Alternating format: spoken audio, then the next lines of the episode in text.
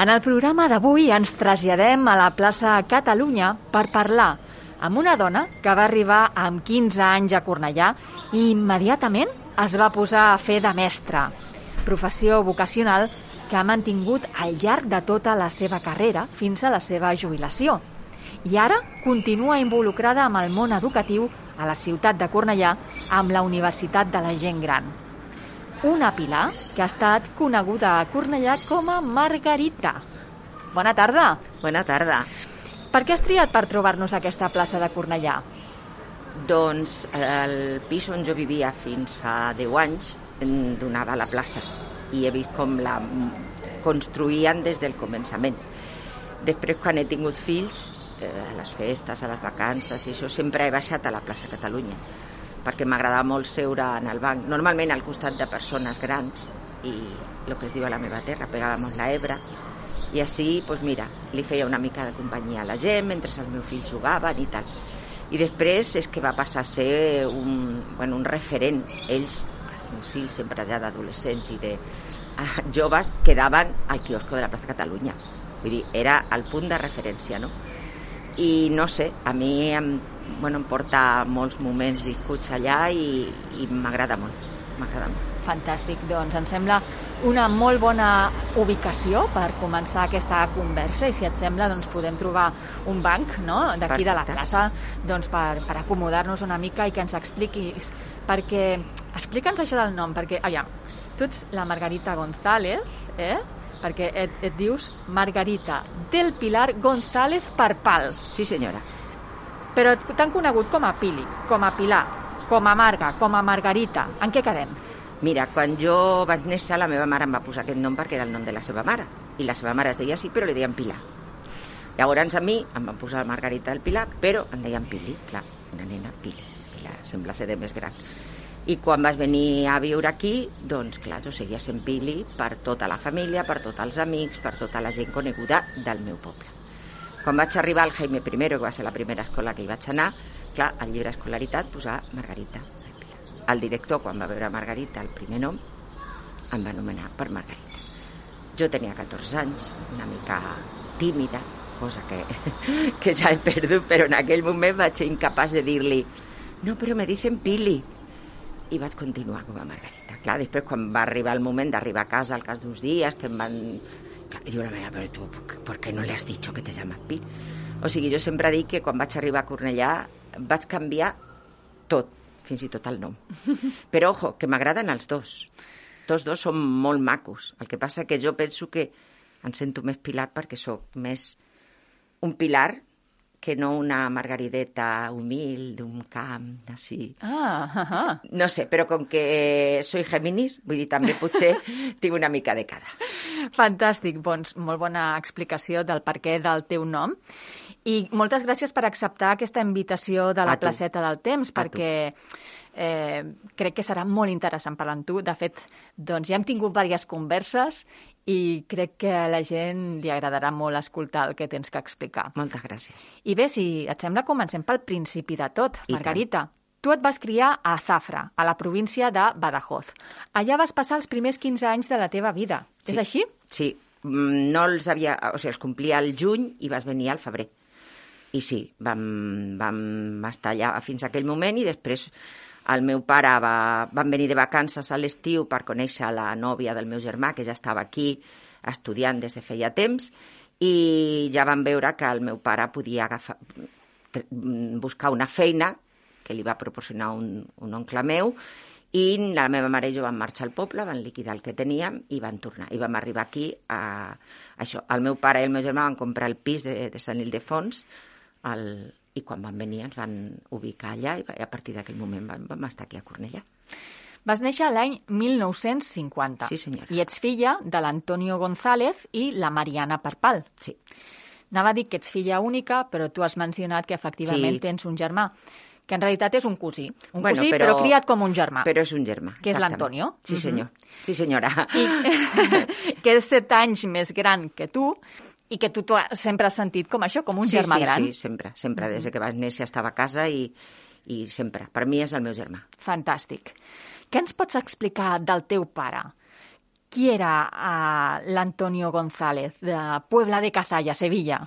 Doncs mira, ell va venir a Zafra, a, la, a Zafra es fan unes fèries, a lo, per Sant Miguel, bueno, des, de, des del Renaixement el rei Felip II ja va concedir, em penso que era ell, potser m'equivoco, la, la possibilitat de fer aquestes fèries ganaderes i ell va venir, perquè ve molta gent de fora, va conèixer la meva mare i es van casar. Ell, la veritat és que no explicava gaire de la seva vida, ni de lo que havia fet, ni res, i conseqüència d'això és el mm, que van descobrir quan va morir. Van, dintre de la cartera tenia uns documents i van veure que havia estat en un camp de concentració d'aquí d'Horta i que havia estat presoner i que, i que bueno, pel que després he, he investigat amb, el, amb gent de la memòria històrica, em van dir que els que van portar aquí venien de la batalla de l'Ebre. O sigui que sembla ser que el meu pare tenia una vida que no ens va explicar per por o per, pel que sigui, perquè en aquell moment potser pensaria que no era... Però que, que, mira, que vam descobrir al cap d'uns anys que, que passava això. Jo puc dir que era una persona bona, bona, el que passa és que dintre d'en aquell moment la cultura que tenien doncs era una cultura pues, més masclista, i més, mm, bueno, pues això, de tot. Però vaja, jo penso que va ser una persona molt bona i, i així és com jo el recordo.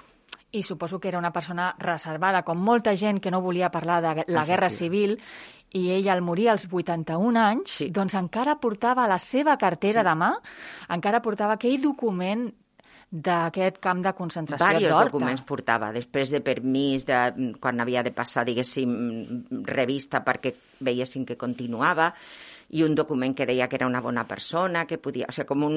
De, per buscar feina que no li posessin pegues. Sí, sí, o sigui, en això reservat total. Uh -huh. Tampoc nosaltres, la veritat sigui dita, ni la meva mare ni el meu germà ni jo li vam preguntar mai què havia sigut de la seva vida en l'època de la guerra. El mateix que la meva mare sí que ens explicava coses, com havia viscut la guerra allà a Zafra, perquè... però mm, ell no va explicar mai res. Bueno, cal tenir present que si havia nascut l'any 1911, sí. la Guerra Civil el va enganxar de ple sí. en la seva joventut i que sí. segurament doncs, el van, era... Clar, potser el seu poble, la zona en el que ell havia de fer la, la mili, que en aquell moment es feia, era de, de la banda de roja, diguéssim, i, i ara, jo no sé, vull dir, tot això són suposicions. Tot això és el misteri que ha sí. deixat doncs, el teu sí. pare al seu sí. darrere sí. i que teniu una petita mostra però no en sabeu més. I pel que fa a la mare, què m'expliques? Ella va néixer a Zafra l'any 16, la seva família, la família de la Mariana Parpal Pons, era de Maó, sí. a Menorca. I un germà de la teva àvia, que era enginyer, va anar a treballar a Safra, el que es coneixia com la fàbrica de la luz, no? A muntar-la. A, a instal·lar-la, a instal·lar la fàbrica de la luz, que deien. I li va agradar tant al poble, coses estranyes de la vida, i que va dir que s'anava a viure allà amb tots els germans. I van marxar tots de Maó, i la meva mare va ser la primera filla que va néixer a Zafra. Curiós. Eh, uh -huh. Era germà de la meva, ma de la meva àvia i, i ells, els germans van muntar una fàbrica i el meu avi era ebanista i en els terrenys de la fàbrica va muntar doncs, el seu taller i feia cotxes de cavall, feia mobles, després també tenien una botiga de mobles al, al poble i, i bueno, mmm, Cotxes de cavalls, clar, això ens parla d'una altra època, sí, clar, no hi havia clar, clar. cotxes a motor. No, no, jo tinc fotos i planos dels que ell feia per, per construir-los i la veritat era un art... o sigui, no era un fuster, era un, com deia la mare sempre, ebanista. un ebanista. Que és I un, un, artista. Un artista ebanista. Sí, uh -huh. sí. Bé, i sobre la teva mare, ella era modista. Sí. De fet, tenia com un taller, veritat?, amb sí, treballadores. Sí, sí com que el meu avi va morir molt jove, amb 45 anys, i, i van haver de buscar-se la vida, perquè, clar, en el moment que faltava el cap de la família, el negoci trontollava una mica, no? I llavors a ella li agradava cosir i se'n va anar a, una d'aprenenta, una modista, i al final resulta que era una... bueno, jo penso que era de les millors modistes, si no dir la millor de Zafra, i de, de tot els voltants, perquè venia gent de Sevilla, de molts llocs a, a que ella els hi fes Llavors, casa meva era pues, això, un taller amb set, vuit, deu noies cosint, cantant, escoltant la ràdio. Com el tiempo entre costuras, la Sí, novel·la, la pues novel·la. igual, igual. Jo recordo, i sempre gent que venia, que li fes un vestit o a provar-se, i, i clar, era una casa que... que... Que hi havia molta vida. Molta vida, molta, molta. Uh -huh. Quins records tens de la teva infantesa a Zafra? jo em sentia molt lliure. O sigui, era una nena que anava per tot arreu fent el que, el que em donava la gana. Era bona estudiant fins a cert punt. Vull dir, aprovava, però sense masses esforços. El que sí que tenia és un... Bueno, m'agradava molt pues, fer teatre i muntava contes o me'n recordo que vam veure la pel·lícula d'On va Alfonso XII i després la representaven, es posaven els abrics, donava les monges i portaven uns barrets i agafaven els barrets, els posaven flors, posaven a l'abric, així com si fos una faldilla llarga i muntava obres amb les amigues i en l'estiu igual, o sigui, era molt, molt lliure, era molt, molt feliç en aquest sentit. O sigui, una nena en un poble en el que es pot moure per tot arreu perquè no hi ha perills de res, doncs molt estimada per tothom, perquè clar, coneixien a la meva mare, vull dir, por ser vos quien soy, vull dir que ella, al ser la filla de la Mariana, doncs tenia sempre gent que, que em coneixia, que em saludava, i mira, molt feliç. Jo, jo recordo amb les amigues i mantenim un, una, un grup de WhatsApp amb aquelles amigues de, pues, mira, d'aquella època. Jo uh -huh. vaig estar allà fins que vaig acabar, el, bueno, a mitjans del quart de batxillerat, que ho vas deixar a mitja perquè al venir-me al febrer ja vaig començar aquí després, i amb aquelles amigues vam fer, a més vam fer una vaga, cosa en aquell moment impensable, li van retornar els exàmens a un professor perquè no ens agradava com explicava, després ens van castigar a tot el Nadal, anar allà a copiar el llibre de física, Sí, sí, tots els dies anaven com si, com si fos classe, però mira, van ser molt, molt avançades a la, per la nostra edat. Feien mm -hmm. coses, anècdotes tinc meravelloses. Doncs parlem d'aquell any 1965 en què et trasllades a Cornellà. Què recordes d'aquella primera impressió que et va fer la ciutat? A veure, clar, pensa que el carrer Acàcia on jo vivia, o sigui, la llum l'agafaven amb un cable per tot l'edifici de, de 8 pisos. Aigua teníem a, a la, al al carrer teníem una xeta i havíem de baixar amb les galletes perquè no teníem aigua a casa, per rentar-nos, per tot. Per tant, havies de baixar vuit pisos per agafar aigua. Per agafar aigua, per tot, per, per cuina... Per tot, per tot, per, tot, per tot, per tot. Així vam estar no sé quants mesos, no recordo.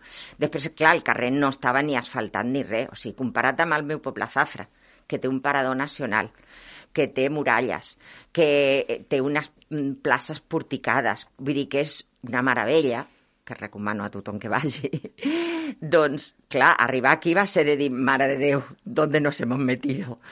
Però, bueno, jo som molt sociable i de seguida vas fer amistat amb, a l'escola amb, amb tres nois que, que, bueno, només allà, eh? O sigui, després cadascú a casa seva perquè ells vivien a Barcelona, menys que vivia a Cornellà, però no per sortir ni res. I després mmm, la impressió va ser aquesta i lo que, el que feien amb la meva mare és vamos a descobrir el pueblo i quan teníem el dissabte o quan sigui, ens a caminar pues, per un carrer fins que arribaven aquí. Ah, mira, aquí hi ha una botiga d'això. Mira, ai, aquí hi no sé què.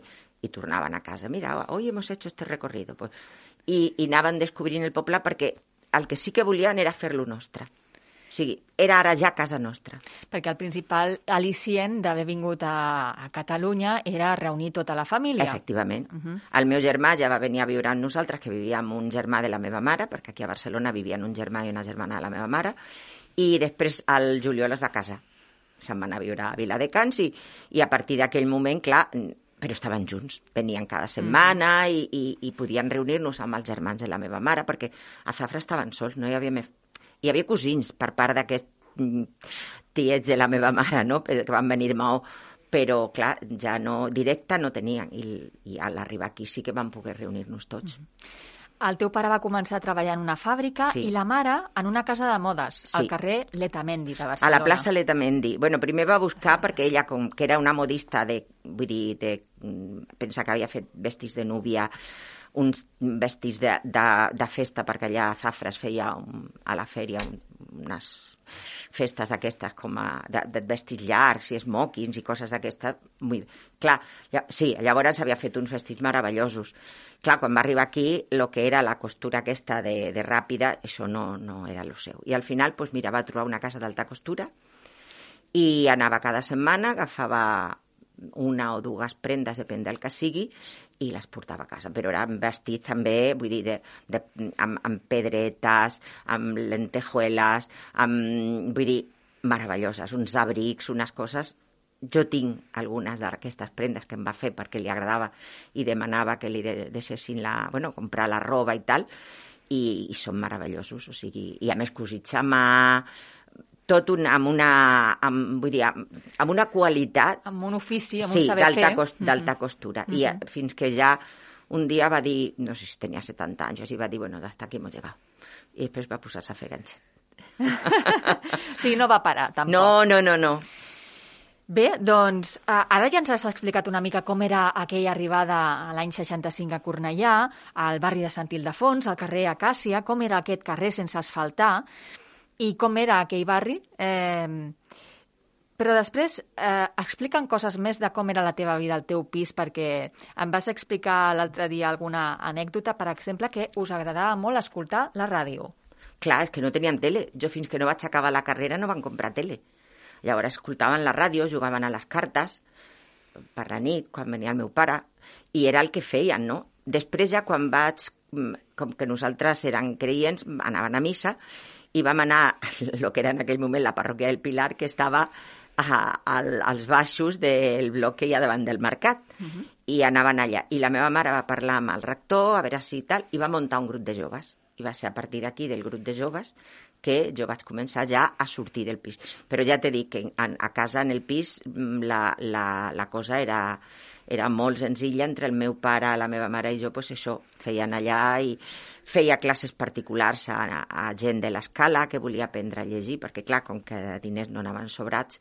A casa teva sempre hi havia moltes novel·les. Ah, oi, com s'ho sí. muntava la teva mare per aconseguir-les? Sí. Pues mira, quan anava, primer se'n va portar del poble moltes. Ella era sòcia de la biblioteca de Zafre i sempre ha, ha llegit moltíssim. I això que només va anar tres anys a escola però sempre. I a l'arribar aquí, al, a, quan anava a la, al carrer Letamendi, a la plaça Letamendi a buscar la feina, en el carrer Aribau i darrere de la universitat hi havia mm, eh, botigues, bueno, llibreries de compra-venda de llibres usats. I ella portava un, li donaven un altre i pagava 5 pessetes, el que sigui, i cada setmana s'emportava llibres.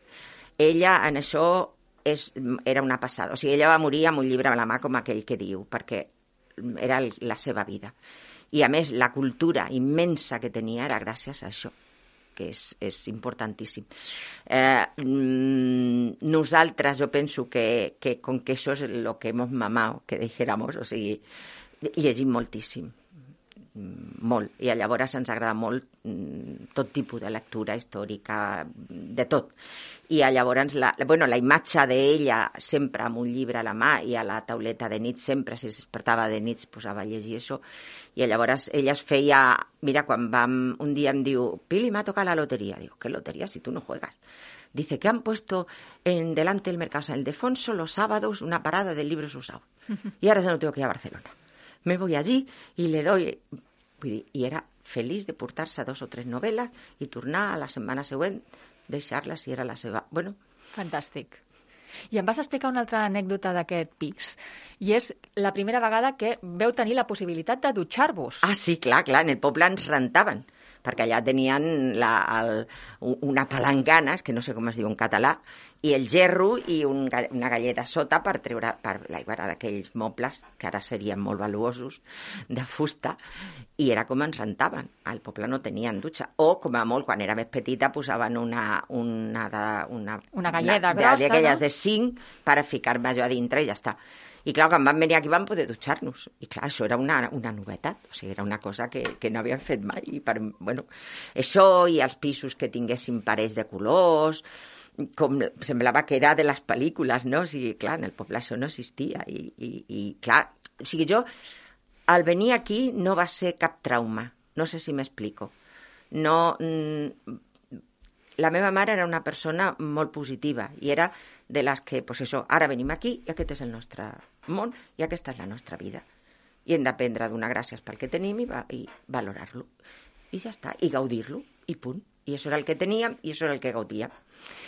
Parla'm més d'aquest grup de, de, de joves que us trobàveu de la parròquia del Pilar. Què fèieu junts? Pues Quines mira, activitats? Anaven aviam? al cine, però després hi ha una... Un, L'associació de ferroviaris ens deixava un local, ara no me'n recordo quina calle era, i mitjançant el, un dels mm, sacerdots que hi havia allà, el padre Isidoro, va, eh, i, i feien festes, portaven el que en aquell moment deien un picup, una, un tocadiscos i discos, i ballaven i anaven al cine o anaven d'excursió, ens portava, bueno, el grup de, pues això, de joves de, de, que ens El que en ajuntaven. aquella època es coneixia com un guateque, no? Efectivament, feia, però bueno, clar, amb el capellà Vigilant. donant voltes per allà, o sigui, allò de les manos en tu, en tu cintura i tu les mans a les, a les espatlles de l'altre, però els braços estirats, o sigui, que ballaven molt... Molt, Molt separats. Sí, molt hombre, separats. faltaria més. Perquè encara es ballava...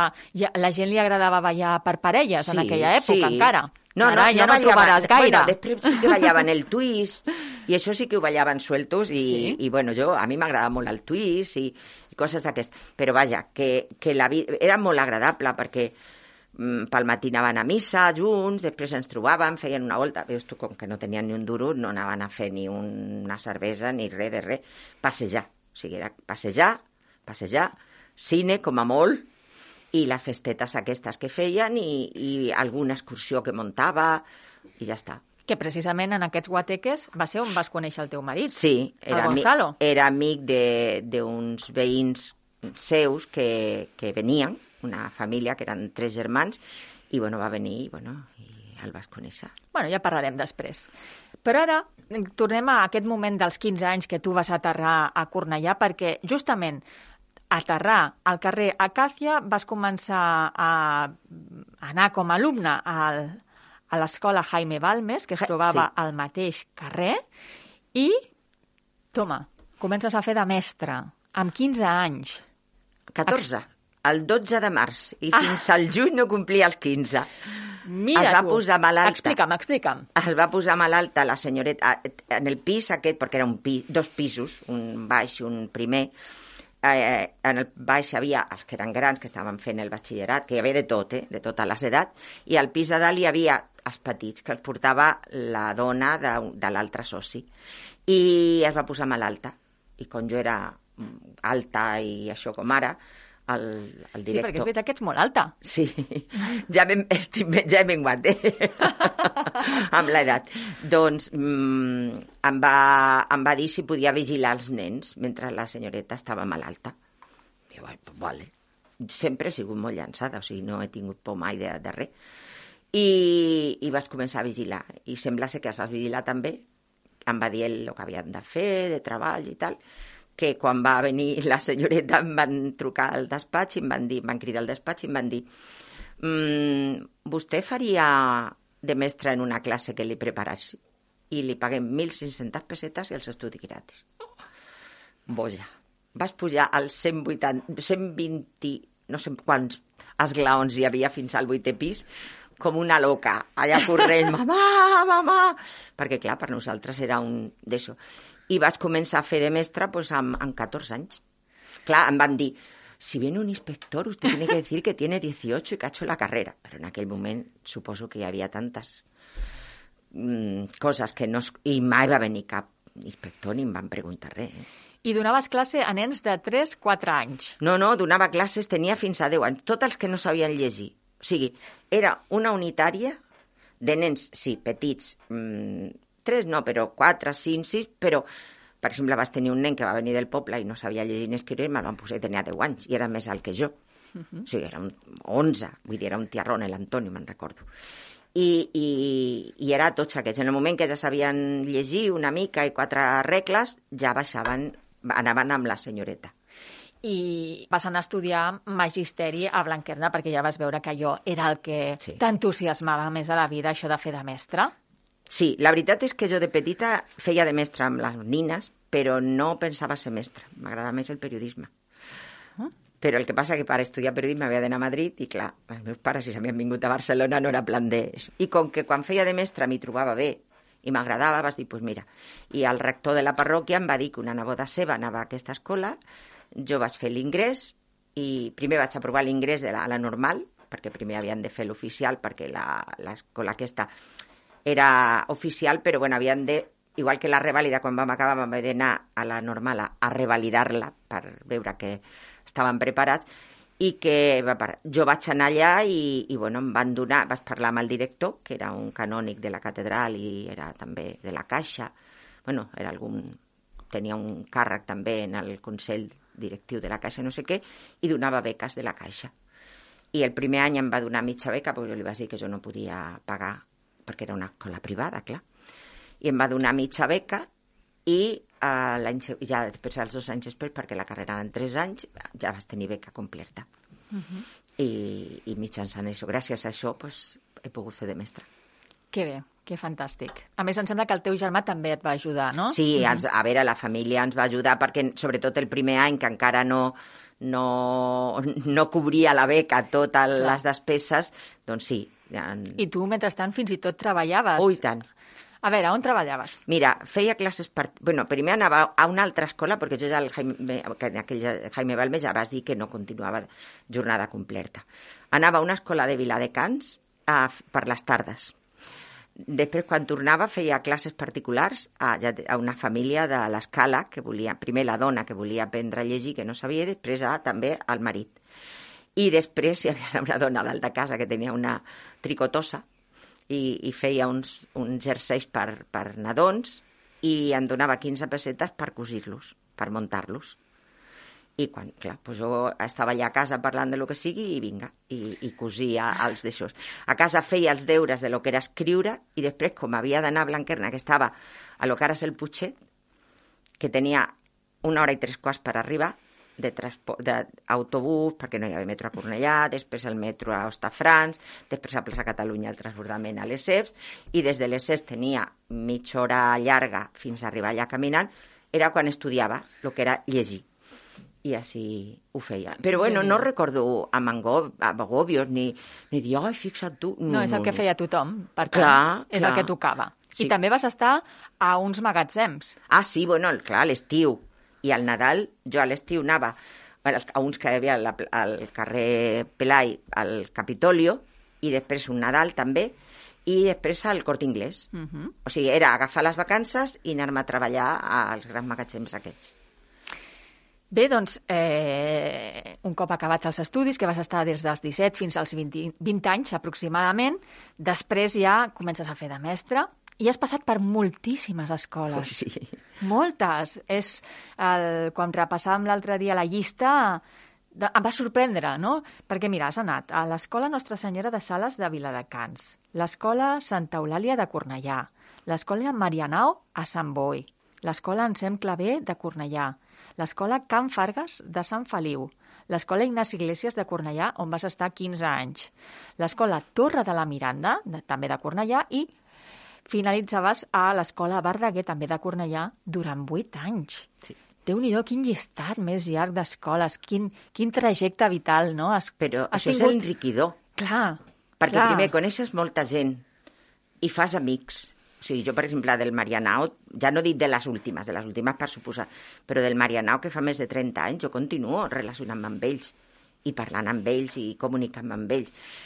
Però després és enriquidor perquè aprens moltes formes de treballar perquè tu a cada escola que vas tenen una forma de treballar, una forma d'organitzar-se, i tot això per, per mi era molt enriquidor, perquè a mi sempre m'ha agradat aprendre. I clar, tu vas a un lloc i, i tenen les classes organitzades d'una manera. Pues, tu dius, ah, mira, pues això està bé, pues mira, ai, mira, això m'ho apunto, això... Ah, I també aportes, perquè també aportes tota aquesta experiència quan arribes. Clar que sí. I, i a veure, primer va ser tot privada, i després va ser ja quan vas començar amb la pública, doncs això primer de, de substituta, i després ja d'interina, i després ja vas fer les oposicions i ja, el que dèiem, propietària definitiva, que era el que buscaven tots. Efectivament, sí, sí, sí. Majoritàriament has fet de mestre de primària. Sí. De tot tipus d'edats. Fins a, en aquell moment que tenien la EGB, que era fins als 14 anys. Uh -huh. Sobretot he tingut més... A veure, he tingut petits també, i grans, i també he tingut unitàries, eh? Unitàries vol dir que hi han quatre cursos. A, a la de Viladecans tenia jo primer, segon, tercer i quart a la mateixa aula. I llavors, bueno, pues, clar, aprens a treballar amb nens de diferents edats, a que s'ajudin entre ells, o sigui, és, és molt maco.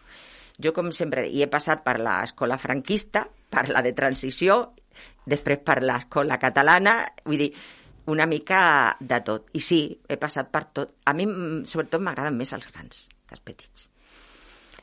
Em comunico millor amb els grans. Mm -hmm. Penso que tenim un... A més que amb, tinc molts alumnes amb els quals tinc, tinc una relació meravellosa i, i continuem veient-nos i si fan sopars em, em criden bueno, en l'època que es podia fer amb la pandèmia ja no es pot fer res però vaja, que sí, que, que mm, penso que em relaciono amb ells d'una manera que queda patxada. Sí, perquè l'altre dia em deies que tu et trobes, o tothom, els que són mestres es troben en la circumstància aquesta d'anar pel carrer, anar a buscar el pa o anar a donar una volta pel poble i de cop i volta et creues amb un alumne i l'alumne baixa la vista i no vol mirar perquè, perquè bueno, eh, un cop sortiu de l'escola doncs és una relació absolutament diferent i a vegades fa vergonya, a vegades eh, mil coses. En canvi, tu dius que has aconseguit mantenir aquest vincle amb molts dels teus antics estudiants. Jo sempre, quan acabava amb un curs, sempre els deia, mira, nosaltres vivim al mateix poble, potser que ens trobarem, segurament, però jo faré el que vosaltres feu. Si vosaltres us atureu i em feu una abraçada, jo faré una abraçada i parlarem. Si vosaltres em dieu adeu, jo us diré adeu. I si passeu pel meu costat i no digueu res, jo no diré res. Respectaré sempre. Però mira, ahir mateix vaig a, va saludar-me un de l'Ignasi Iglesias, de l'Ignasi Iglesias, que jo passava molt ràpid i em diu, Margarita, no me dices nada. Digo, ai, Carlos, lo siento, cariño. Però, vull dir que ja té fills més grans, vull dir, de 20 anys i 20 i pico. Clar, o sigui, fa molts anys. I ell va ser el que em va saludar. I això em passa molt sovint. molt sovint. I jo som molt feliç. A més, he tingut alumnes que han estudiat magisteri i quan han, han hagut de fer les, les pràctiques han vingut amb mi. Ah, que bé. Que bonic. De, sí, I em fa molta il·lusió. M'ha fet molta il·lusió tenir Me recordo un que em deia te estoy haciendo un dictado con todos los que tú me hacías, perquè un dia me... Digo, va, ve dictándome que voy apuntando per, per lo que havien de fer de treballs i tal. I reia perquè te, te, te vigilaré a ver qué faltas tienes i tal. Vull dir que sempre en aquest sentit jo és que he sigut molt feliç. Que bé, com que bonic. Mestra. I a més de tenir tota una vida lligada a l'educació, tu mateixa no has deixat mai d'estudiar. No. Dels estudis reglats els vas mantenir fins als 28 anys, però de fet sempre has estat fent formació. Sí. A les escoles d'estiu anava cada any i després, bueno, pues he estat a, em vas assabentar que hi havia una fundació de creixement personal àmbit i, i mm, vas ficar-me allà i he fet cursos de, de tota mena. I després, per exemple, quan estava a les escoles i venien de l'ICE a fer-nos cursos, jo sempre m'apuntava. És més, ens van posar, l'últim any que jo vaig estar, pissarres d'aquestes... Mm, electròniques. Electròniques, bueno, sí. que no en sortia la paraula. Digitals, a, la no sé a la classe, i jo aquell any em jubilava. Uh -huh. I, i, i ens feien una, un curs per saber com funciona. I jo m'hi vaig apuntar i em deien els companys, tu ets tonta, però si, si marxes aquest any, perquè diu, però mira, mai se sap. Exacte. Mm, aprender no ocupa lugar, decía mi madre. Sí, sí, I és això. És una bona dita. Uh -huh. I sempre m'ha... Jo sempre el que sí he dit, perdona, des de que vaig fer la suposició, jo estudiaré tots els cursos que vulgueu, però no vull exàmens. I per això m'agrada la UNED. La, la, bueno, la UNED no, la, la, la sènior, perquè no fent exàmens. Molt bé. Doncs després parlarem de la Universitat de la Gent Gran, però deixa'm que, que acabi de repassar una mica la teva trajectòria vital. Et vas jubilar l'any 2011, quan mm -hmm. tenies 61 anys, i tu mateixa, et vas organitzar tu sí. mateixa la festa de jubilació ah, marit, a les aigües. Sí, senyora. A mi em deia el meu marit, però la festa de jubilació l'organitzen els companys. Dic, però que jo vull... Jo volia una, un, una alfombra roja per entrar tots, tots. Vull dir, i vas tenir la sort de que dos, una professora del Marianao, una del Verdaguer i, i una amiga d'aquí de Cornellà, mm, que sap molt d'aquestes coses, d'organitzar eventos, doncs mm, el, em vas unir amb ella i va dir, mira, jo vull això, això, això. Després, clar, em van muntar un vídeo que jo no havia buscat, em van muntar una, un, uns jocs de mans per fer-me coses que jo no, no sabia, però jo vaig preparar el, el que havia de parlar, jo vaig preparar-ho tot. I vam ser més de 100 persones, però de professors, alumnes, mestres, companys de totes les, de quasi totes les escoles en les que havia estat. Va ser preciós. I justament aquell any que et jubilaves neix el teu net, l'Arnau, no? Perquè no hem parlat de la teva família. Em permets que parlem una mica de la teva família? Hem, hem mencionat el Gonzalo, eh? El Gonzalo és el teu marit, no? I allà amb ell eh, veu viure al carrer Bonavista durant 40 anys. Sí, allà va ser la vostra, el vostre lloc de residència i heu tingut tres fills. Sí. La Beatriz, l'Alberto i la Cristina. Sí, senyora i el teu net que ara mencionàvem, que és l'Arnau, fill de l'Alberto, que va néixer l'any 2011, ideal perquè va coincidir jubilació i el moment en començar de fer d'àvia. Tu has gaudit, no?, d'aquest paper de fer d'àvia? Això és el més maco que m'ha passat a la vida, a part de ser mare i ser esposa, vull dir, les dues coses, i ser amiga. O sigui, que hi ha moltes coses. Tot, sí, eh? tot, tot. Però jo un dia parlava en, en un curs de creixement personal que quina paraula et provoca més, i jo vaig dir, ja, quan l'Arnau em diu iaia, és que m'emociona. O sigui, és, és una cosa molt maca. Gràcies a Déu, vull dir, és un regal, és un regal que ens ha vingut en aquesta època de la vida. I, i a, a més, jo en aquest any, aquell any feia un curs de patchwork, perquè jo fa, havia fet, bueno, faig patchwork molt, ara ja ho he deixat de fer, i feia un curs de teatre a Barcelona. I vas dir, em van dir, quins dies pots tenir-los? I els tres dies restants de la setmana anava a buscar-lo a la llar d'infants, portava a casa, dinava, el feia dormir, li posava cuencos tibetanos per dormir-se, perquè estigués relaxat. I he gaudit, bueno, hem gaudit molt d'ell, perquè l'any següent ja es va jubilar el meu marit i, i ja vam poder tots dos estar per ell. Sí, mm -hmm. i, per, bueno, i per la vida, i per els amics, i per la família, i, i per un per l'altre. Que bé. Doncs parla'm de quan vas agafar la responsabilitat de ser la coordinadora de la Universitat de la Gent Gran, que va ser més o menys l'any 2014. Sí, jo crec que sí, sí, sí. És que exactament ara no recordo. Bueno, pues mira, la, la universitat de, en aquell moment la Universitat de la Gent Gran la portava la Maria Rosa Casanova, però fa, desgraciadament va morir d'un càncer i, i, i llavors, clar, van haver de buscar una persona per coordinar. I un dia em truca per telèfon la Rocío i em diu, Margarita, que volem, a l'Antoni i jo volem oferir-te una cosa, si vols reunir, per fer-te càrrec de l'UGG. Jo dic, l'UGG, no sabia ni què era. En, quan ens van reunir, en, em va explicar tot el que era i em va semblar un, un projecte molt maco. Uh -huh i vas dir, vale, però amb una condició, un any. I dintre d'un any ens tornem a reunir si vosaltres i jo estem contents, continuem. Si algú dels dos no, tal. I vas dir amb condició de que jo pugui pues, fer viatges en l'inserso, de que pugui estar per la família si en algun moment hi ha algun problema, cap problema. I bueno, vaig anar allà i em vaig enamorar del projecte. I què feu allà? Doncs mira, mmm, per una banda, és que clar, la gent només parla de la Universitat de la Gent Gran, però que ara dient la sènior, perquè és com, bueno, és més curt que Universitat de Gent Gran, diem la sènior, i després també tenim la, la, la UNED, que fent el curs d'accés a la universitat de majors de 25 i 45. Però sobretot el que a mi em va enamorar és la sènior. Doncs són cursos per persones de més de 50 anys, de 30 hores, que volen aprendre sense necessitat de tenir titulacions de res, i pensa que fent antropologia, astronomia, vull dir que fent temàtiques, però el més maco d'això és que els professors s'adapten al, als alumnes que tenen. I tant n'hi ha eh, universitaris titulats com a mestresses de casa, com botiguers, vull dir, de tota mena de, de professions i s'hi troben bé i tothom entén el que els estan explicant i tothom gaudeix. I es crea mm, un vincle d'amistat i de relació entre tots. O sigui, hi ha molta vida.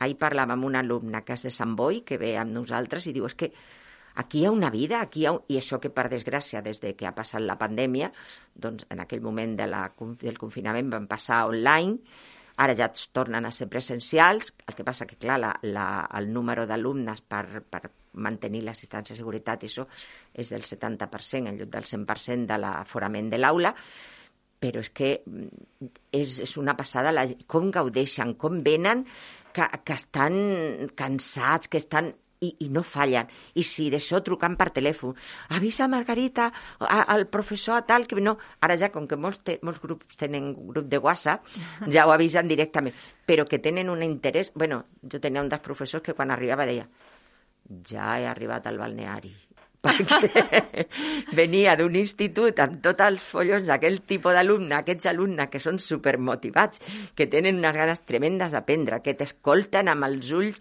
encantats. Clar, no, no hi ha color, vull dir, és que com per no enamorar-se. Exacte, exacte. És molt maco, molt maco. Sí, per això tu destaques això, que la gent va allà super ultra sí, motivada. Sí. Habitualment teniu com uns 300 estudiants i feu uns 6 cursos, no, l'any? No, el, hem, abans de la pandèmia feien 22. Ah. Feien 22, uh -huh. perquè hi ha 6 aules, unes pel CAT i els 5 restants. El dimarts es fan 5 cursos, el dijous se fan 6, però després tenien la possibilitat de que es posessin en un seminari i tenien les 6 aules a l'altre dia i hem arribat a fer 22. El que passa que ara, per exemple, el primer quatrimestre, perquè són de 4 mesos, hem fet 4 i ara en aquest tenim 6. I gràcies a Déu, demanda de matrícula, tenim fins i tot en algun curs mm, llista d'espera. déu nhi uh -huh. per, i, i ens, perdona, i ens venen nous mm, quan fem les entrevistes aquí sobre això o quan surt ara al Cornellà Informa al dia següent o als dos dies comencen a venir gent que vol matricular-se, que, que de què va això, i venen, ens han vingut gent de Vilafranca al Penedès, vull dir que no és que vinguin només de, de Cornellà i del Baix, no, no, és Sinó que, que és el boca orella. Com entren en la pàgina web de la UNED i veuen els cursos, pues, els encanten i s'apunten. Fantàstic, m'encanta escoltar-te parlar. Gràcies. I, I com transmets aquesta, aquesta il·lusió per a aquesta universitat de la gent gran, a la que, per descomptat, doncs jo m'hi llançaria, eh? En el moment en què em jubili, escolta'm, m'he d'apuntar doncs allà, un d'aquests allà cursos. Eh? Bueno, no sé si jo ja hi seré, perquè jo també ja, vull dir que, que port, no perquè estigui cansada ni res, però que penso que, bueno, que, que, que també ha d'arribar un moment en, en deixar passar un altre... Vull dir, fer un pas enrere o al costat perquè puguin també gaudir d'aquest projecte altres persones. Uh -huh. O sigui, jo no em penso quedar allà per insecular secolorum. Vull dir, que no és perquè digui, bueno, és que m'hi trobo malament. No, a veure si passés alguna cosa.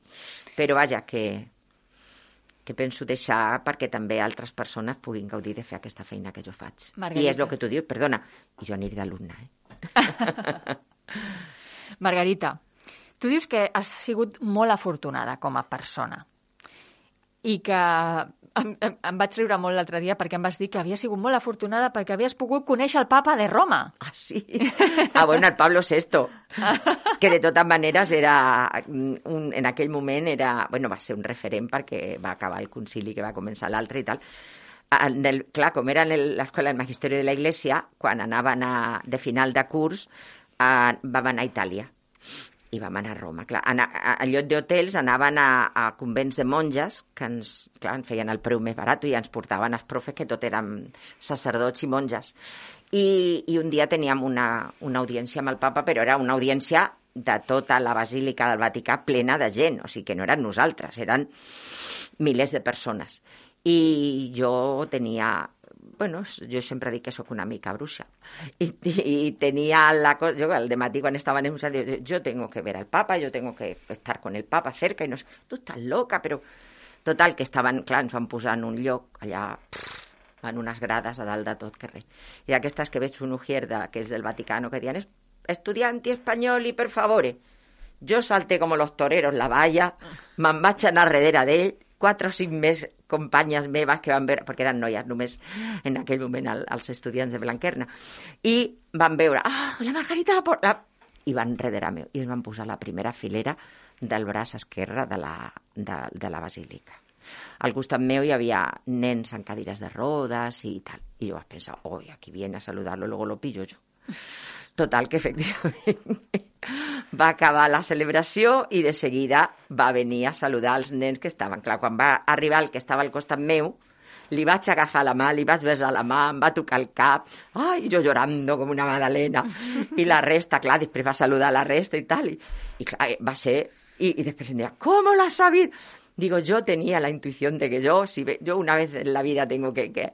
I és així, i així m'ha passat amb moltes coses a la vida. Vull dir, he somiat, perquè jo continuo somiant i, i, i, i he somiat coses i quan he dit, ui, uh, jo penso que puc fer... I, ah, tu estàs loca. Ho he aconseguit. I ho has fet realitat, sí. Sí. sí. M'he esforçat molt, també. He valorat molt. M'ha ajudat molta gent, molt, perquè he tingut molta ajuda de tot, de tot, de tot de la meva mare, de la meva sogra, amb els nens, de, de, del meu sogre. Vull dir, i he tingut sempre molts amics i moltes amigues que m'han fet costat, que quan ha hagut alguna cosa, i sobretot, clar, el meu marit és... Portem des de l'any 68 junts i, i per mi és el, el puntal de la meva vida, no? I, i després, doncs, els fills, les seves parelles i els fills que té la, el, la parella de la Beatriz, que té dos fills també, que per mi també són nets, que ja són grans, però que, bueno, que tenen 16 i 18 anys, i això tinc molta sort. He tingut molta sort a la vida, he passat molt, hem tingut problemes, com tota la gent, malalties, de tot. I amb tres fills, pues, tu encara no, no ho saps perquè és petit el teu, però quan són grans tenen, i clar, a més pensa que es porten cinc anys els tres, un ten, va néixer l'altre als 24 mesos, l'altre als 3 anys, o sigui, que portava bolquers encara l'Alberto quan va néixer la Cristina, o sigui que, que en aquests sentits eren... Però bueno, eren joves. Tenia 20, 24 anys quan va néixer Beatriz, llavors capaç de tot. I tires endavant amb tot. I encara ets capaç de tot. De molt. Mm -hmm. De molt. Acabem aquest repàs, que ha sigut molt bonic, crec, Margarita, amb aquella nena que li encantava disfressar-se i representar pel·lícules i obres de teatre, perquè tu també, al llarg de tota la vida, has continuat fent d'actriu i has estat fent teatre a l'Orfeo, al Patronat. També... No, a l'Orfeo no, al Patronat i al, a Comissions Obreres. També he fet una obra de teatre a Comissions Obreres, mm -hmm. amb el grup de Comissions Obreres.